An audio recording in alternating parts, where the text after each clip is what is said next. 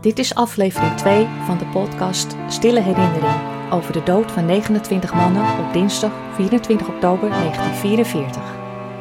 Zij werden die dag door een vuurpeloton van de Duitse Sicherheidsdienst gefusilleerd. Plaats is onheils, het plantsoen bij de kruising tussen de Beethovenstraat en de Apollolaan in Amsterdam-Zuid. Veel slachtoffers waren verzetsman en hadden zich op allerlei manieren ingezet om de bezetter te ondermijnen. Moed, rechtvaardigheidsgevoel en vaderlandslievendheid dreven hen. Enkele slachtoffers waren onschuldig en waren alleen opgepakt omdat ze op het verkeerde moment op de verkeerde plaats waren. Allen waren weerloos. In negen podcastafleveringen beleven we de aanleiding voor de fusillade, de uitvoering en de gevolgen voor nabestaanden. Ze zijn samengesteld op basis van feiten uit boeken, getuigenissen van nabestaanden, het Nederlands Instituut voor Oorlogs, Holocaust en Genocidestudies en het Nationaal Archief. Aflevering 2 Herbert Ulslegel in het vizier.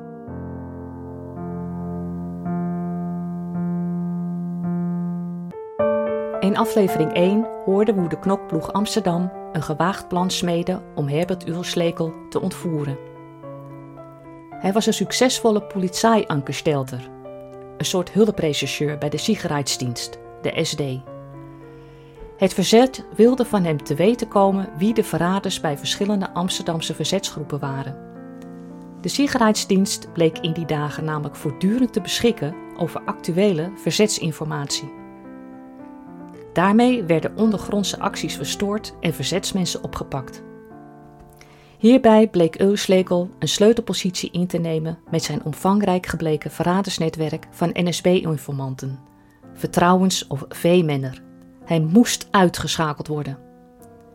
Vier leden van de knokploeg Amsterdam zouden Euslekel bedwelmen en in een auto meenemen. Op een geheim adres op de Keizersgracht volgde dan een streng verhoor. Wanneer hij afdoende informatie had verstrekt, zou hij gedood worden. Zijn lichaam zou spoorloos verdwijnen. Het was een heftig scenario, maar de verzetsmannen van de knokploeg Amsterdam achten uitvoering unaniem onvermijdelijk, zoals we hebben gehoord. De spoorloze verdwijning van Herbert Ulslekel zou vele verzetslevens redden en represailles voorkomen. Politie-ankerstelter Eulslegel zal worden ontvoerd bij de incassobank op de hoek van de Stadionweg en de Beethovenstraat in Amsterdam. In het portiek heeft hij dagelijks om vijf uur een korte afspraak met enkele mannen. Zeer waarschijnlijk zijn dat zijn veemenner. Het is maandag 23 oktober, kwart voor vijf. Verzetsmannen Frans Keven, Jaap Davids, Matthäus Vens en Fred Dikhout zijn er klaar voor. Zij staan op scherp. De vier mannen zitten geconcentreerd en gespannen in een grote zwarte Citroën personenauto te wachten tot Ulslekel verschijnt. De auto staat onopvallend geparkeerd in een zijstraatje met uitzicht op de incassobank.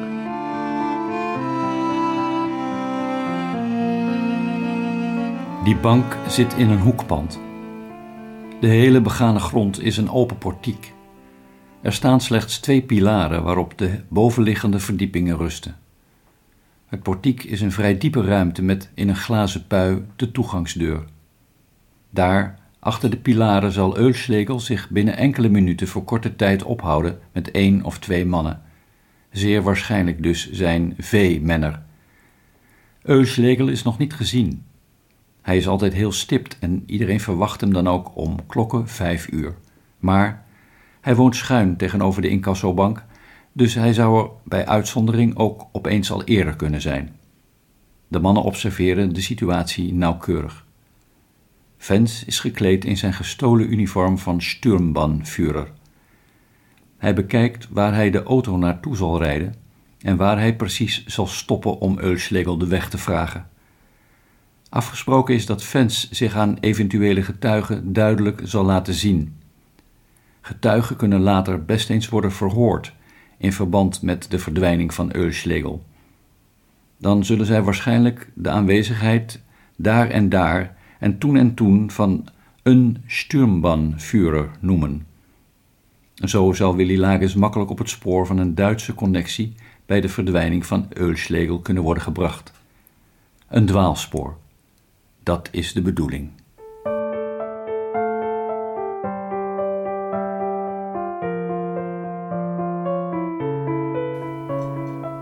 Volgorde van handelen wordt nog eens doorgenomen. De vier mannen zullen toeslaan wanneer Eulschlegel zijn laatste contact heeft gesproken en aanstalten maakt om weg te lopen. Het gaat er ontspannen aan toe in de auto. Zelfs een grap hoort erbij. Voorin, naast Vens, zit David. Hij controleert zijn revolver en steekt hem veilig weg. Davids is de man die Eulschlegel in geval van nood zal doodschieten.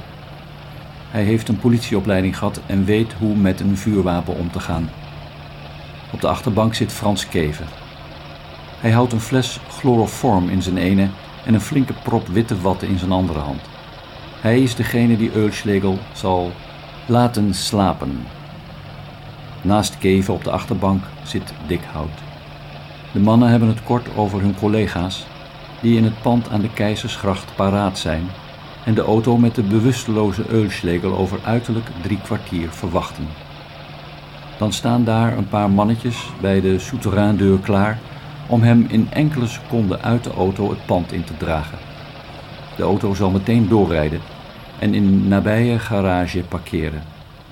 Van Eulschlegel zal vanaf dat moment geen spoor meer te vinden zijn.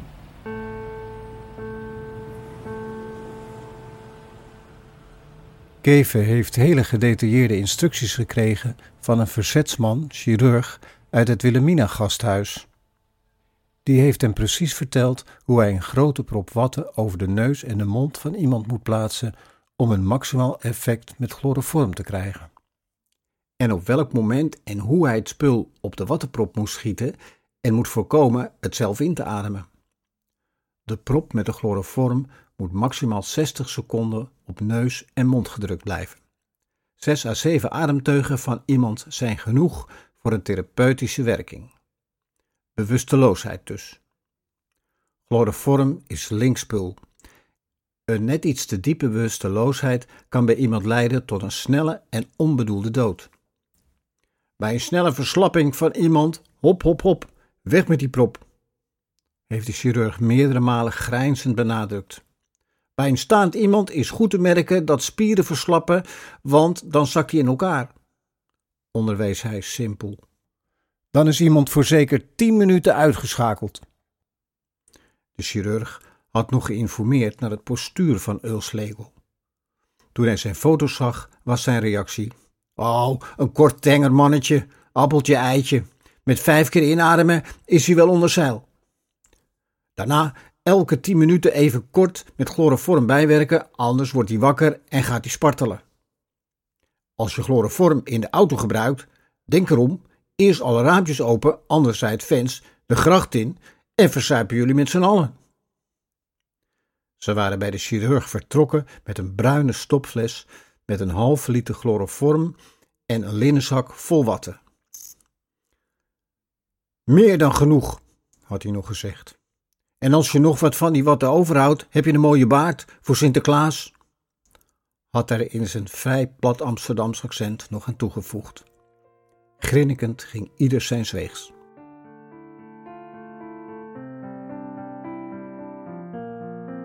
Davids en Dikhout hebben op een stille plek in het Amsterdamse bosplan uitgebreid geoefend hoe je iemand in de houtgreep moet krijgen en houden. Een gymleraar die ook verzetsman is in de knopploeg Amsterdam heeft hen geholpen. Hij is amateurbokser en heel sterk. Als Davids en Dikhout hem kunnen bedwingen, is de tengere Herbert Ulslegel een makkie. Het oefenen ging steeds beter en uiteindelijk hebben de twee de gymleraar nu binnen enkele seconden in een stevige klem. Keven heeft vervolgens met succes vele malen de bedwelmhandeling geoefend. Steeds sneller en beter.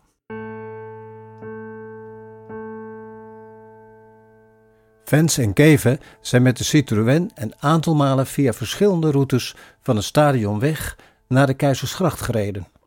Dat is nog een heel eind gebleken. De meeste keren zijn ze in de ochtend gaan rijden. Autoverkeer op dat moment van de dag valt niet zo op. Eén keer zijn ze hun route rond zes uur 's avonds begonnen. Toen werd het al schemerig en er reden nauwelijks auto's. Ook die rit verliep probleemloos, terwijl Vens toen zijn Duitse uniform nog niet eens aan had. Vens en Keve werkten verschillende complicatiescenario's uit, zoals hoe zouden zij reageren wanneer ze onverwacht op een gracht in een opstopping terechtkomen? Wat te doen bij een aanrijding? En zo nog een paar. Er is ook een scenario wanneer het plan onverhoopt helemaal in de soep loopt. In dat geval zal Davids Ultslagel doden met één schot in zijn hoofd. Liever niet meer, want schoten kunnen getuigen trekken. Van de chirurg in het Wilhelmina gasthuis heeft Davids geleerd op welke plaatsen van het hoofd hij bij voorkeur moet richten. Het hele plan ziet er goed uit. De mannen hebben vertrouwen in de uitvoering.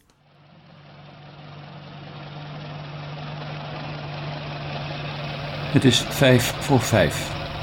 De vier mannen in de Citroën worden nog alerter. Er is nog geen spoor van Eulschlegel. Sinds de middag is er een hele groep vrouwen die hem op de voet volgt. Het plan is dat een van de vrouwen aan de mannen in de auto een teken zal geven wanneer Eulschlegel in de buurt van de incassobank komt. Een vrouw zal proberen om bij de bank naar binnen te gaan. Die is dicht, dus dat lukt zeker niet. Dan zal ze even aan de deur rammelen, schouderophalend een paar stappen de stadionweg inlopen, stoppen en een sigaret opsteken. Wanneer dat teken gegeven is, kan Eulschlegel elk ogenblik bij de incassobank verschijnen. De andere vrouwen zijn dan ook vlakbij. Ze zullen zich onopvallend verspreiden over de kruising van de Stadionweg en de Beethovenstraat en de omgeving observeren. Mocht er een Duits legervoertuig of politiewagen in de buurt verschijnen, dan hebben ze trucs voorbereid om de aandacht van de bestuurders voor korte tijd af te leiden. Bij onafwendbaar gevaar of wanneer de actie voorbij is, zullen de volgers zich naar een verzetshuis vlak bij de kruising spoeden. Daar zal KPA-leider Tinus Vermeer gebeld worden om verslag uit te brengen. De klok kruipt naar vijf uur. Er gebeurt niets. Er zijn ook geen mannen gespot die zich bij het portiek ophouden voor een afspraak met Eulschlegel. Het wordt steeds rustiger op straat. Keven heeft de fles chloroform gebruiksklaar in de aanslag. Vens heeft het raampje van zijn deur alvast opengedraaid en leunt met zijn linker elleboog ontspannen naar buiten. De klok tikt tegen vijven. Iedereen staat op scherp. Dan slaat de kerkklok van de nabijgelegen kerk vijf keer, telt David. Nu moet het gebeuren. Maar er gebeurt niets. Eén minuut verstrijkt en nog één. De mannen kijken elkaar vluchtig aan maar hun blik blijft gericht op het portiek. Het wordt tergend langzaam vijf over vijf. Er verschijnt een vertwijfelde blik op vier gezichten in de auto. Waar zit die klootzak? fluistert Keven ingehouden nijdig. Het zijn allemaal onbetrouwbare honden, die Duitsers. Ratten zijn het, sist Davids in zeer plat Amsterdam. Dikhout maakt een bezwerend gebaar dat kalm afwachten uitdrukt. Vens controleert of zijn horloge wel goed loopt. De anderen volgen snel zijn voorbeeld. Misschien lopen ze achter. Maar bij iedereen geven de wijzers exact dezelfde tijd aan. Het is nu zes over vijf. Niemand zegt meer iets. Wanneer de tijd verder verstrijkt, dringt tot de mannen door dat de uiterst stipte Euslegel vandaag mogelijk niet meer verschijnt. Ze besluiten toch nog even te wachten. Precies op dat moment ziet Davids verzetsvrouw Truus om de hoek van de incassobank de stadionweg inlopen. Davids kent haar en zegt de anderen goed op te letten. Ze wandelt een stuk, stopt dan en tuurt de stadionweg af. Wanneer haar oog aan de overkant op de Citroën in de zijstraat valt, blijft haar blik heel even hangen. Dan loopt ze weer terug. Ze draagt een boodschappentas en ze doet net of ze op iemand wacht. Kijkt een paar keer op haar horloge en dan weer heel kort in de richting van de Citroën. De mannen bespreken fluisterend wat dit te betekenen kan hebben. Ze besluiten dat Davids uit de auto zal stappen en naar haar toe zal gaan. Hij weet bijna zeker dat Truus de rol van koerierster speelt en een bericht van het hoofdkwartier heeft. De anderen blijven gespitst voor het geval Euslegel toch nog ineens opduikt. De spanning stijgt nu snel, want wordt de actie geannuleerd? Davids steekt de weg over en begroet Truus alsof hij degene is waarop zij gewacht heeft. Het tweetal wandelt langzaam en op het oog geanimeerd pratend en gearmd een stuk richting het Minerva-plantsoen. Daar lopen ze een rondje. Dan nemen ze plotseling afscheid. Truus is ineens uit beeld. Davids stapt stevig terug in de richting van de auto.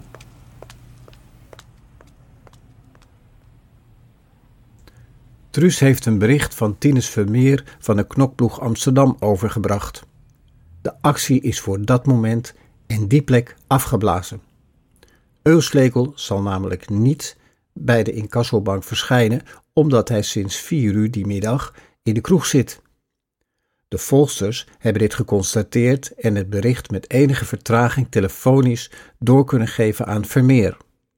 De vrouwen hebben er ook bij gezegd dat het een kroeg is vlak bij de kruising van de Kalverstraat met het Spui. Vermeer heeft volgens Truus een geïmproviseerd plan B gesuggereerd. De vier mannen moeten met de auto naar de kroeg toe rijden om Ulslegel op te pikken wanneer hij daar vertrekt. Snelheid is geboden, want niemand weet wanneer Ulslegel zal opstappen en het begint al te schemeren. De Keizersgracht-collega's zijn geïnformeerd en blijven paraat. De mannen kijken elkaar aan. Wat is wijsheid? Ze zijn er samen snel uit. Doen. De actie kan altijd nog afgeblazen worden en misschien ontstaat er daarna nog een nieuwe kans om Eulslegel te ontvoeren. Vens ontgrendelt de handrem en rijdt langzaam de stadionweg op, richting het spui. Het is half zes. Tien minuten later rijdt de zwarte Citroën met een kalm gangetje door de Leidse straat. Vens oogt ontspannen. Zijn linkerarm rust op het geopende deurraampje en er hangt een sigaret in zijn mondhoek. Hij waagt het zelfs om enkele op straat lopende Duitse soldaten terug te groeten die zijn rang herkennen en verplicht naar hem salueren. De drie andere mannen in de auto overleggen op rustige, zakelijke toon hoe ze Eulslegel alsnog te pakken kunnen krijgen. Ze zullen hem met z'n drieën gaan zoeken. Vens zal bij de auto blijven. De mannen kennen in de directe omgeving van het spui drie kroegen. Ze noemen de namen en bepalen de volgorde waarin de kroegen zullen worden bezocht. Ze zitten vrij dicht bij elkaar in de nauwe taksteeg. De mannen zijn het erover eens dat het riskant is om Eulslegel in de buurt van het drukke spui te ontvoeren. Besloten wordt alleen een kans te wagen in de stille, donkere taksteeg. Als dat niet lukt, zullen Keven, Davids, Dikhout en bestuurder Fens Eulslegel met de auto volgen. Op een gunstige plek moet hij dan alsnog bedwelmd en ontvoerd worden. Mocht dat niet lukken, dan wordt de actie definitief afgeblazen. Maar de mannen zijn het erover eens dat Eulslegel, zoals afgesproken, toch die maandag 23 oktober gepakt moet worden. Hij is een groot gevaar voor het verzet. Het verzet dat sowieso al door de Duitsers wordt bedreigd, zoals die ochtend nog eens is bevestigd door een bericht van de Nederlandse regering. Die heeft via de BBC gemeld dat de Sicherheidsdienst op het punt staat het verzet een grote slag toe te brengen, mogelijk via razzia's. Dat moet voorkomen worden. Het is kwart voor zes wanneer Vens de Citroën het spui opdraait. Hij rijdt door tot aan het begin van de taksteeg en parkeert daar. Het is een onopvallende stille plek waar meerdere auto's geparkeerd staan. Vens laat de motor draaien en steekt nog een sigaret op. Dikhout en Davids stappen uit. Ze trekken hun chique zwarte leren jas recht en zetten hun hoed op. Keven volgt hen en steekt een krant onder zijn arm. Hij heeft de fles chloroform rechtop in zijn aktentas gezet.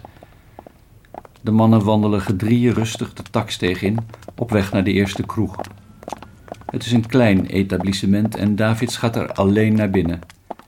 Hij knikt ter begroeting naar de barman en wordt direct argwanend bekeken.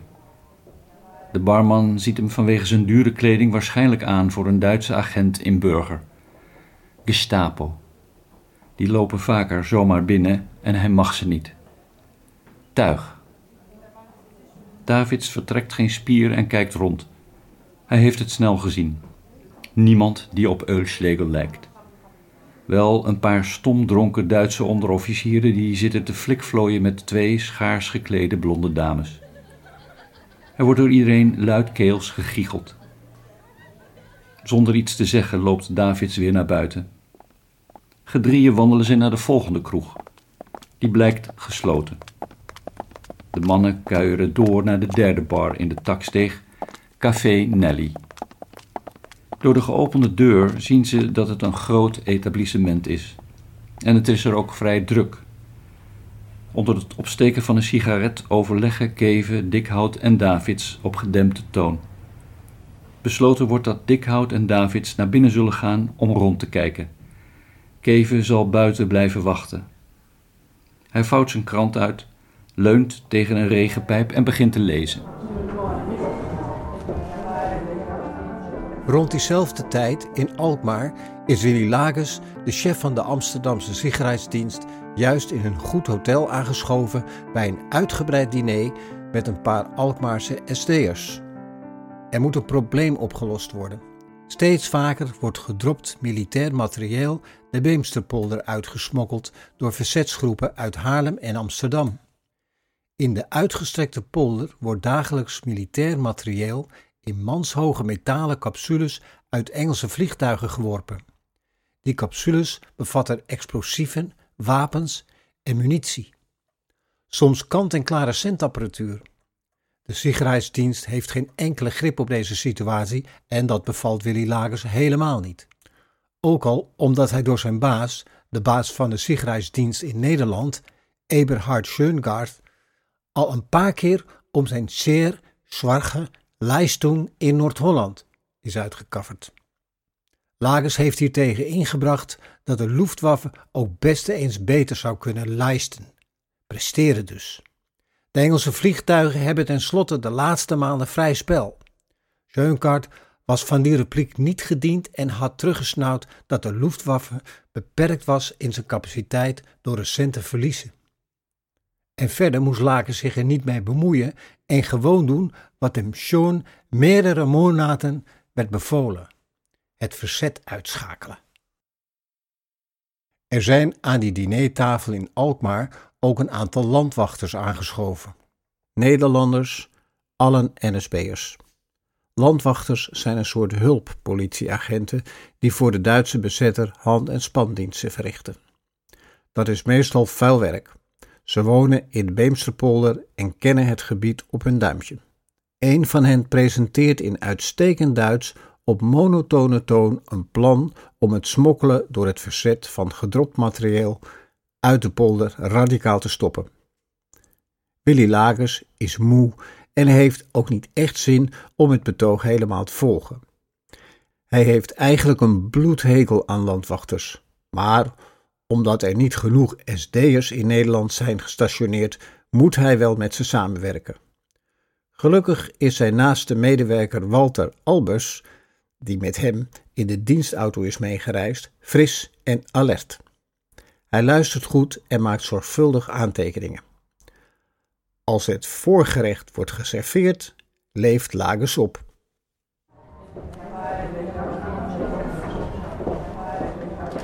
Ondertussen zijn Jaap Davids en Fred Dikhout in Amsterdam Café Nelly in de taksteeg binnengelopen. Frans Keven staat er nog steeds buiten de krant te lezen. De twee mannen lopen door het etablissement en kijken rond. Het wemelt er van de Duitse onderofficieren in uniform. Dit is vast hun wekelijkse uitgaansavond. De meesten zijn aangeschoten en in het gezelschap van wat ordinair ogende dames. Er wordt nauwelijks op de twee gelet. Wanneer Davids doorloopt naar een langgerekt, lager gedeelte van het café, ziet hij achterin een man staan die volgens hem iets weggeeft van Eulschlegel. De man draagt een donkerbruin pak, is tenger, heeft een smal, bleek gezicht, een bril en een spitse neus. Hij staat met zijn rechterarm tegen de muur geleund te praten met een knappe jonge vrouw. Hij staat heel dicht tegen haar aan en heeft met zijn linkerhand haar arm vast. De vrouw kijkt verveeld. Davids wandelt rustig terug naar Dikhout en knikt bijna onzichtbaar met zijn hoofd in de richting van de verdachte man. Keve tuurt meteen die kant op. Dan knikt hij, ook nauwelijks zichtbaar, ja, naar David. Die pakt vervolgens uit zijn binnenzak een leren portefeuille met daarin zijn verlopen pas van de Amsterdamse politie. Hij toont hem aan een paar kroegklanten die vlak bij hem staan en vraagt hen naar hun Ausweis. De militairen laat hij met rust. Davids fijnst interesse voor de getoonde papieren en knikt na enige tijd goedkeurend. De kroegklanten verbergen hun irritatie nauwelijks en stoppen hun papieren onder het praten met elkaar weer weg. Dan loopt David door in de richting van de verdachte man. Wanneer hij vlak bij hem is en de vrij duidelijk vervalste Ausweis van een jonge man bekijkt, ziet hij dat de blonde vrouw die bij de magere man staat aanstalten maakt om te vertrekken. Ze praten terwijl de verdachte man met zichtbare tegenzin de vrouw in haar jas helpt. Daarna loopt zij vrij haastig richting de uitgang. De verdachte man kijkt haar even na en loopt dan zichtbaar ontstemd naar het toilet. Ondertussen kijkt de jonge man met de vervalste Ausweis Davids nerveus aan. Hij denkt dat hij erbij is. Met een streng gezicht en op gedempte toon praat Davids tegen de jongen, ondertussen de toiletdeur scherp in de gaten houdend. Plotseling begint de jongen vaag te glimlachen. Dan geeft Davids hem zijn Ausweis terug en loopt langzaam nog verder het café in. De verdachte man komt uit het toilet en pakt een beige jas en een hoed van de kapstok. Davids stapt zonder aarzelen op hem af. Hij toont zijn politiepas en vraagt de man om zijn papieren. Die kijkt Davids kort en doordringend aan en tuurt naar de politiepas. Hij is bepaald niet genegen direct mee te werken. Dan trekt hij op zijn gemak eerst zijn jas aan. Er wordt geen woord gewisseld. Als zijn jas zorgvuldig is dichtgeknoopt, haalt hij uit zijn binnenzak heel rustig een identiteitskaart van de Sicherheidsdienst. Davids is de man zonder iets te zeggen strak blijven aankijken. Hij pakt de kaart geroutineerd en wat ruw aan en bekijkt hem zorgvuldig. Zonder iets te zeggen geeft hij de verdachte man zijn identiteitskaart terug, knikt vaag en zo ongeïnteresseerd mogelijk en loopt door naar een volgende kroegklant. De verdachte man loopt dan snel naar de toog en wil afrekenen bij de barman. Dat duurt even, want er is geen wisselgeld. Dat geeft Davids de gelegenheid rustig terug te lopen naar de deur waar Dikhout staat. De twee mannen praten even kort terwijl ze nog eens heel rustig het etablissement rondkijken. Niemand let op hen, ook de verdachte man niet. Dan lopen ze naar buiten waar ze met Keven verder overleggen. Davids vertelt aan zijn beide collega's dat de verdachte man inderdaad Herbert Eulschlegel is. Nu maakt zich enige opwinding van de drie mannen meester. Eulschlegel heeft afgerekend, zet zijn hoed op en loopt de kroeg uit. Hij kijkt nors en passeert in gedachten verzonken de drie mannen die buiten nog steeds op gedempte toon met elkaar staan te praten. Ze zien hoe Eulschlegel met zijn handen in zijn zakken richting het spui wandelt. De klok van de Krijtbergkerk aan het Singel slaat zes uur. Davids, Dikhout en Keven volgen Eulschlegel op enige afstand. Het is vanwege de invallende avondschemering al best donker in de taksteeg. Een ideale plek voor ontvoering. De auto met fans staat nog geen 50 meter verder aan het spui geparkeerd. De afstand tussen de drie mannen en Eulschlegel is iets te ruim opgelopen. Ze versnellen hun pas. Maar erg hard kunnen ze niet lopen omdat Eulschlegel dan hun voetstappen zal kunnen horen. Keven heeft zijn bedwelmingsmateriaal gebruiksklaar in zijn tas. Dikhout heeft zijn knuppel in zijn mouw verstopt en kan hem zo in zijn hand laten vallen en gebruiken. Ze zijn Eulschlegel al op 25 meter genaderd en hij heeft niks in de gaten. Dan komen er vanuit het spui plotseling een paar aangeschoten Duitse militairen de taksteug inlopen. Davids, Dikhout en Keven wisselen een blik. Ze passeerden de luidruchtige Duitse soldaten en op dat moment loopt Eulschlegel net de taksteeg uit het spui op. Kans voorbij.